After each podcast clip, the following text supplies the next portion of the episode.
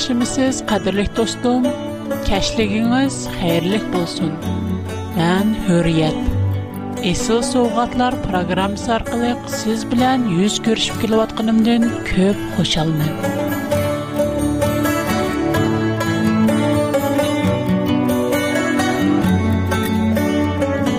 Mən bilan birga o'tkazgan mışı qisqagina yarim soat vaqtingizni sizning mışı bir kun ichida آن اهمیت نیک و آن مهم وقت مسپولشی نی امید قلم من اون مقصدم عملیات سگه شنیس کودروش پروگرام مزندم توپ نشانه فقط لا خدا نم سوزنیت گزش خدا نم خارهترینه تونست دروش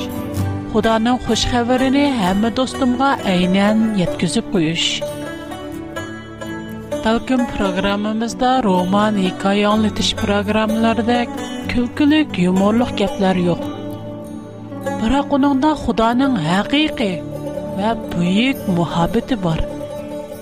Shunga do'stim, sizning har doim programmamizga qatnashib turishingizni orzu qilaman. Bugungi suhbatimiz qiyomat. U kunda sur chilindi. Allah xalığanlardan başqa osmonlardagi və zimindagi həmmini qorxunç basıdı. Həmmə Allah'a boysunğan halda kilidu. Quran-Kərim 27-ci surə Nəml 87-ci ayət. İsa'nın işi doğrusta ular arasındakı firqələr ixtilaf qilishdi. Büyük gün kəlgən çağda kafirlərə vay. 19-чы сүре Мәрйәм 37-нче аят. Бу ишкаят киямет турылык әйтілгән. Кадерлек достам, сез киямет хакында кандай ойлайсыз. Сизнең киямет каим булышының аламәттәри хакындагы чынчагыз кандай? Даим нурлыган достарымның киямет турылык Qiyamət yaxınlaşanda balalar ata-anasından təzib, ata-anasına hörmətsizlik qıldığan uruşxaq, cidalxor bularmış. Həm yerdə açarçılıq yamrab, kəlgün, ota püti, yer təvrəş qatarlı hər xil təbii apətlər zəminni qaplarmış. Yəni məşu adamlar hər xil yuqumluq, meynət Демесімо, азырқы заманның яшлары кардын чықып кәтті. ата сөз қылғанда өр-өр вақырайды, бірақ қылға ішінің тайын ең. На инсап күйімсіз. Азырқы кішілерді мұ инсап деген әрсе қалмыды. Алдамчы оғыр елғалда көпіп, бұрынғы есіл адетіміз мехман достықтың қылча сар қалмыды. Бұрын йолда кішілер ғеріп мүскілеріні ұшыраса, оны өйгі башлап, дастыхан селіп, бірәр ерім пиала чай алмон қылышатты. Азир ондақ үштігіл, бірәр тұнышыңызнезді башқыларының ішек түйігі беріп қалсыңыз, худди оның өйгі керіп алдығандек, үзіңіз кілі ішкіне апыды. Инсап қалмады, инсап, мехер шапқатмы? Йоқ. Адамлар отырыстыки мухаббат, михир шапкат Алла каякларга юкап кетти. бир бириге күйүмү жок. Машинага карап, дайымына кыямат кеп кага окшойду жумо? Дейишип аңлап турман. Шунда кыямат акыйкатан көз алдымыздыла. Бизге найти якынлап калды. qiyomat pat aridi kildi. Buni qandaq bilimiz? Buning uchun muqaddas kitobdan javob izlab ko'raylik. Muqaddas kitab İncil Vəhiylər 6-cı bab 12-ci 13-cü ayətdə qiyamətnin şəbsi toğruluq mundaq vəhi qılınğan. 6-cı möhür açılğanda zəminin qatlıq təvrigənligini gördüm. Куяш өчкү юңыдан тоқылган, қарарақ тәк караydı. Ай бүтүнләй قон рәнгегә кирдэ. Эндер кıçти, каттық боранда игыншып, тоңмевиләр ярга тораклап төшкәндәк, йолдызлар мо җиминга төкөлди.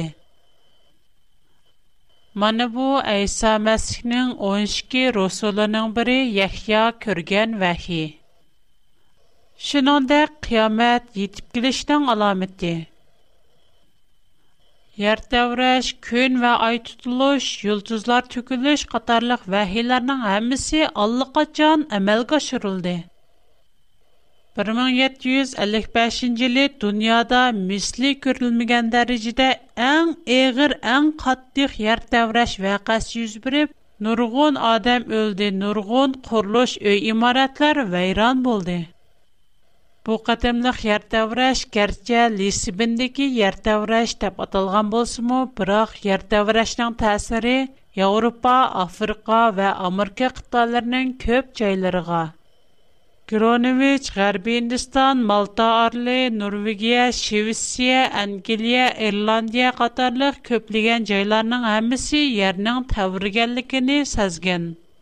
Bu qatımqı yer təvrəşinin külümü 4 milyon kvadrat çakırımdın tüvən əməz. Afrika uçurğan təvriniş asasən Avropağa oxşaş küçlük bulğan. Алжир шәһәренең көп кысмы вайран булып, Мологидән ярак булмаган 8 bir 1 төмәнгечә бар язап, бүтәнләй вайран болған. Испания və Afrikanın dəniz boylarında qaya sor dolqun şavqın kütürülüb köplügən şəhərlər qarıq bolğan. Şunaqla çoğun apət elib gəlgən. Bu qətimlik apət İspaniya və Portugaliyada ən eğir bolğan. Şunan bilən bu qətimlik yer təvrəş Lisibindəki yer Bu qatimliq yer tevreş başlanıp 6 minut içinde 6 tümen adam ölgen.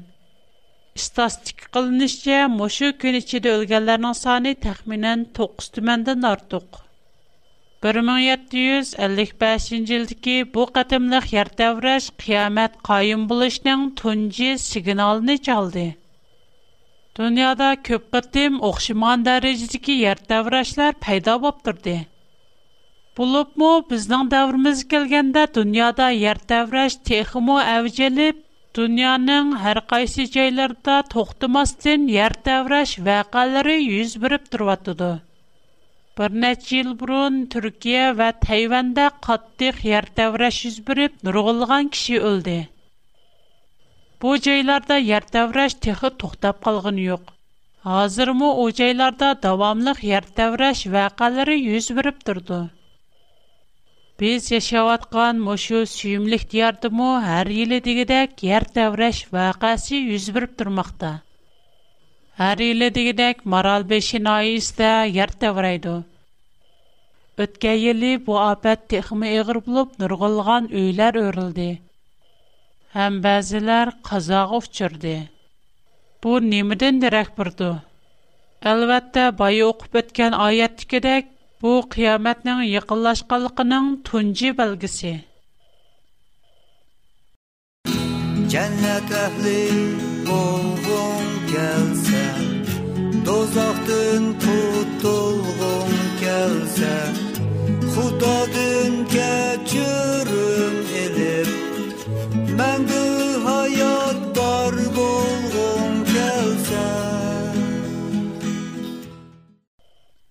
Әмді еңі бір аламәтні көріп бақайлы.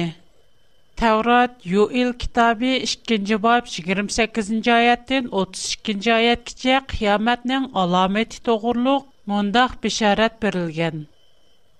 Мен османның үсті вә ернің тігіде мөйізлеріні, яни қан, от вә құйық ұсларыны көрістімен. Құяш нұрсызлініп, ай қандақ қызырыды. Rəbnin uluq dəhşətli günü yetib geliş aldıda bu işlərin hamısı yüz bürüdü. Rəbnin namığa müraciət qılğanlıqı kişi müqərrər nicat tapıdı. Mana bu 2700 yil ilgari Yuil peyğəmbər tərəfindən berilən qiyamət doğruluq bişarət.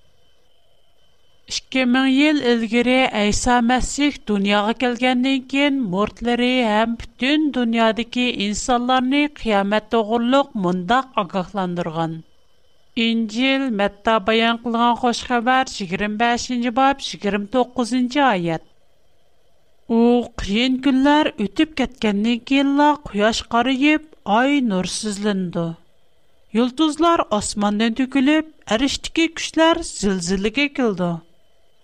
Бу вэхилар аллыга чан амэлга шүрліп болды. Бэлкім, достурум, аңлыған, яки аңлымған болыш мэмкін, 1780-нен жили дуняни зил-зилге салған бір вэға, яни, куяшның нурсізіліп, қарийш вэғаси 1780-нен 5 бәшінж айның 19-жынч күні болса, дуня тархыда қаранғы күн деп Күн ке мәсә куяш вә ай тулып, вә һимле караңгылык башкан. Муса пәйгамбернең вакытыдан башлап, бугарыгыча буның гохшаш узак сузулган, кую, гәм-көп атраптыр кэлган караңгылык хадис си бакмаган. Күн тулып, караңгылыш Ай канга гохшаш кызыл рангә кирдү.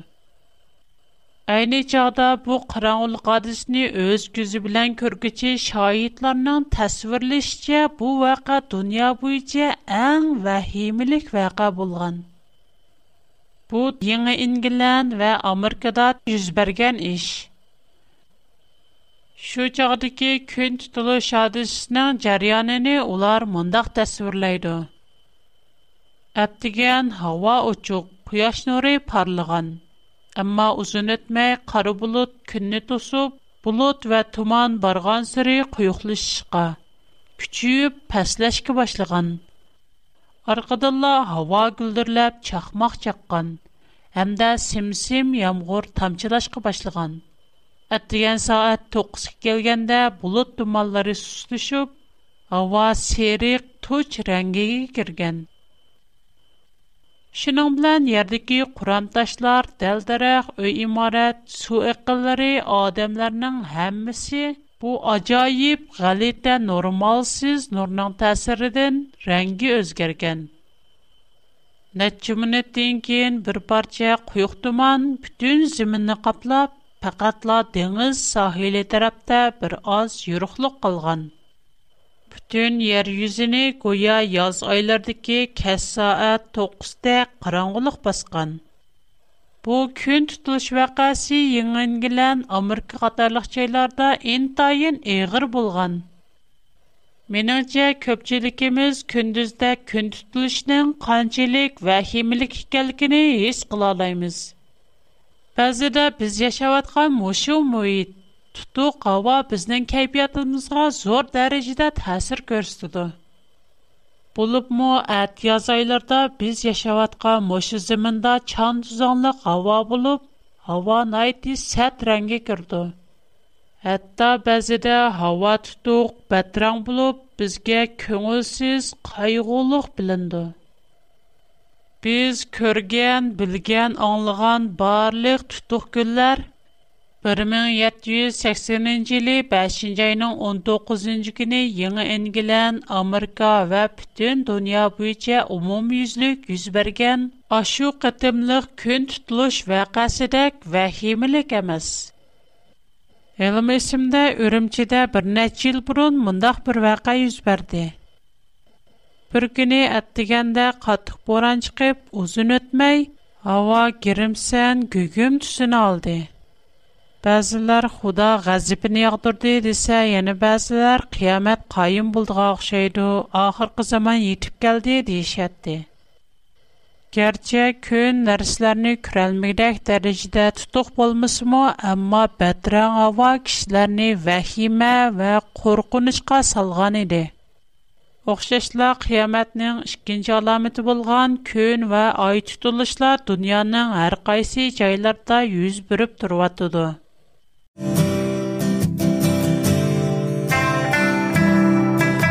Достум, бэнда көплиген деймеде ки Яхши программлар бар Мәслен, худанан пәзілікті Иткад, курубаллык, иман, ахират қатарлык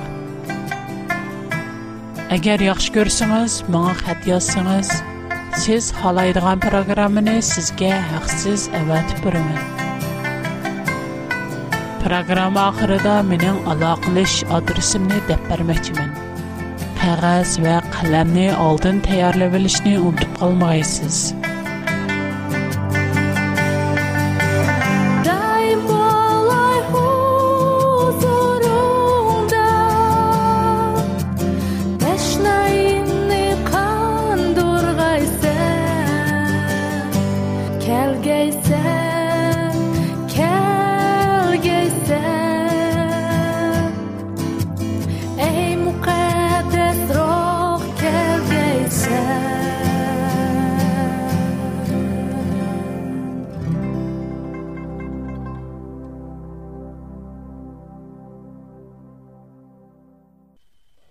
endi qiyomat yetib kelishining uchinchi shundoqla oxirgi belgisi bo'lgan yulduzlar cho'kilish vaqasiga qarab boqayli injil markus bayon qilgan xush xabar o'n uchinchi bob yigirma to'rtinchi oyatda mundoq deyilgan baloyi obatlik kunlar o'tib ketgandan keyin kun qorong'ulashib oy yurug'ini yo'qitdi yulduzlar osmondan to'kildi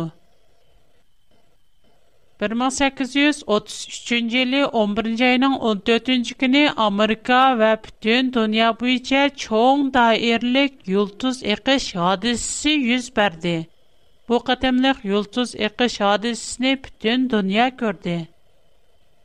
Бу көтәмкэ йолтуз экеш хадисы мо охшашлар дөнья характерлык булып, йолтузлар топ-топы белән османдан ярга экеп төште.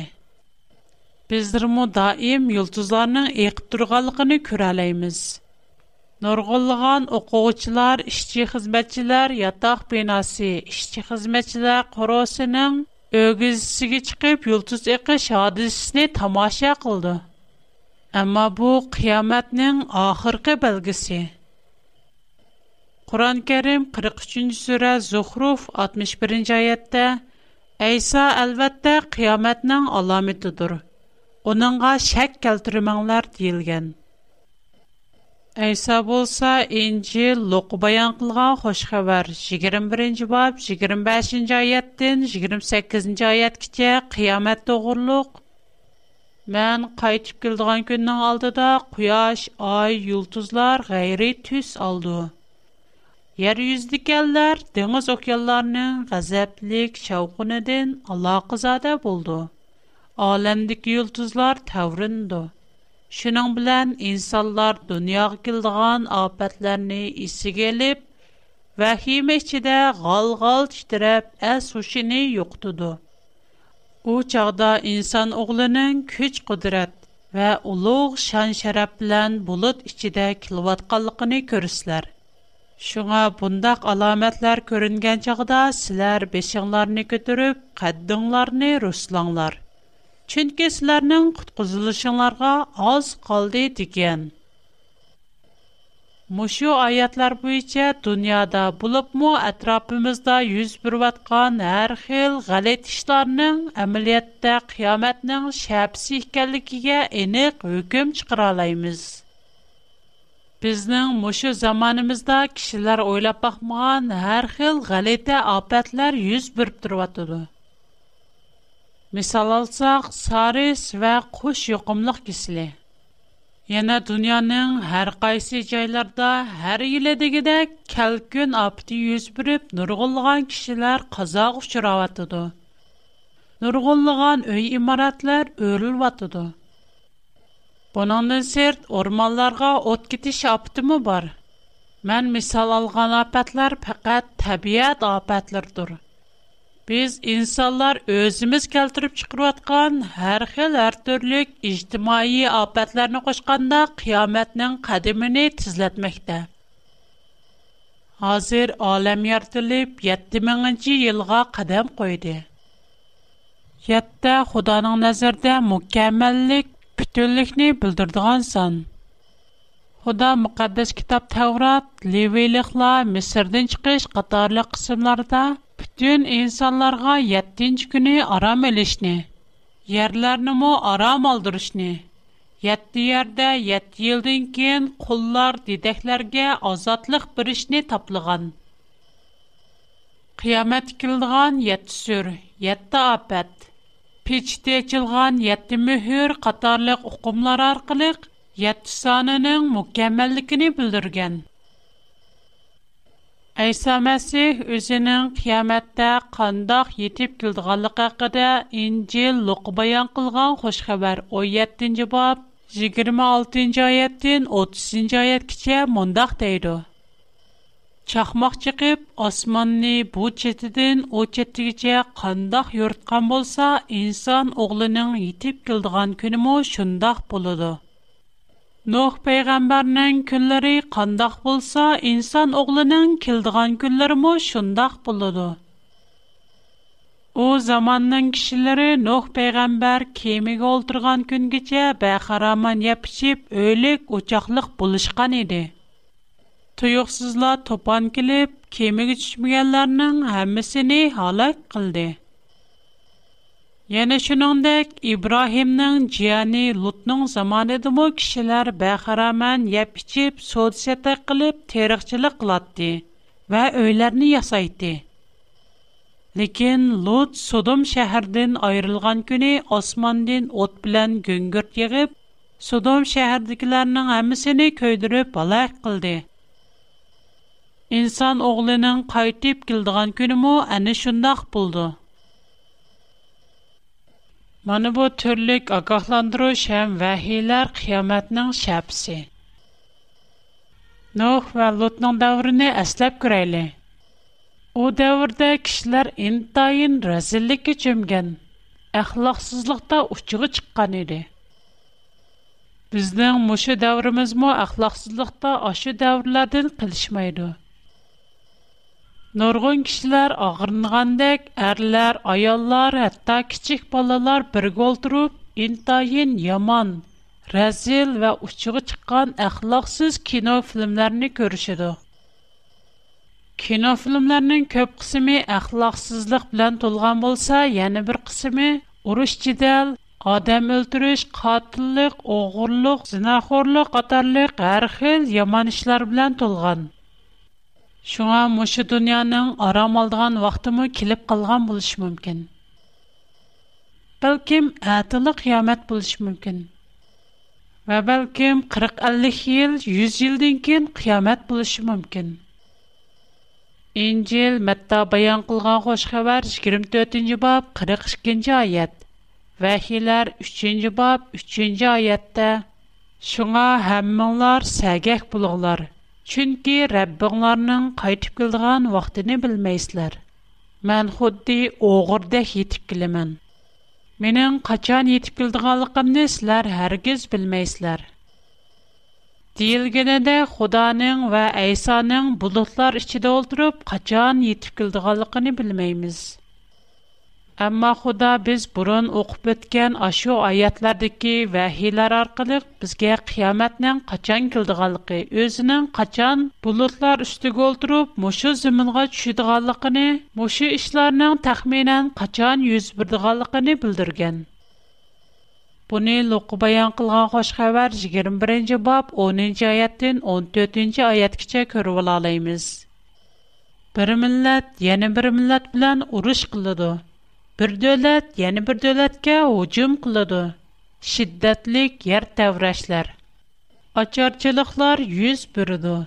Yuqumluq kisəllər tarqılıb, osmonda qorqunçluq alomatlar ko'rindi. Biroq bu hodislar yuz berishdan ilgari sizlar tutqun qilinib, ziyonkashlikka uchraysizlar.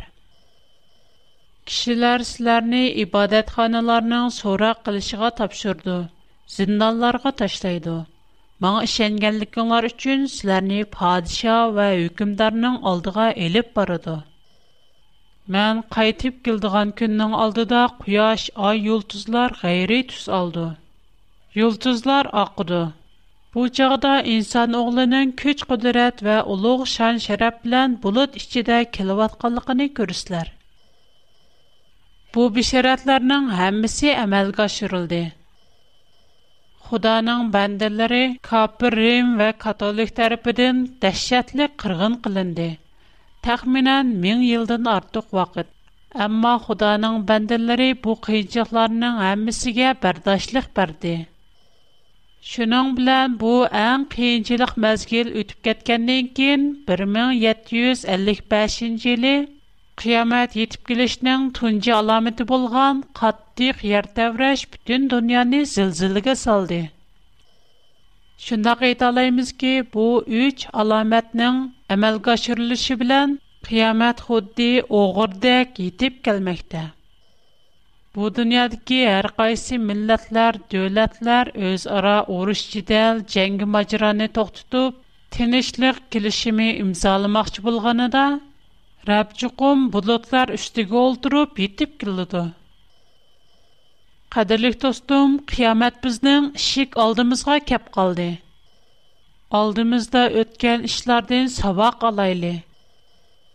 Бұрынғыларның тәжірбі сабақларыны екілдейлі. Бәлкім әтә сіз вә мән үшін қиямет бұлышы мүмкін.